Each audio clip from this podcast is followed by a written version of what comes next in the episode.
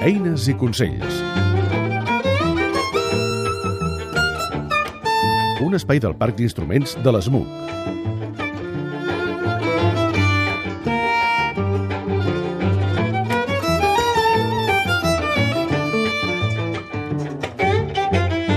Avui us parlaré del piano i els líquids. Els líquids han d'estar el més lluny possible del piano. Per què? Perquè, per exemple, molts cops quan estem tocant o quan descansem deixem algun got amb aigua o un gerro que ens serveix de decoració.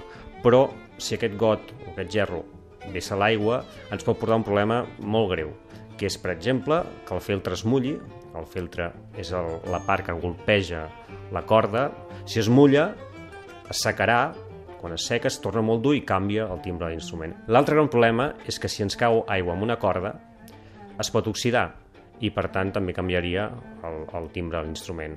Per tant, consell bàsic, els gots, els gerros, tot el que pugui portar aigua, ben lluny del piano.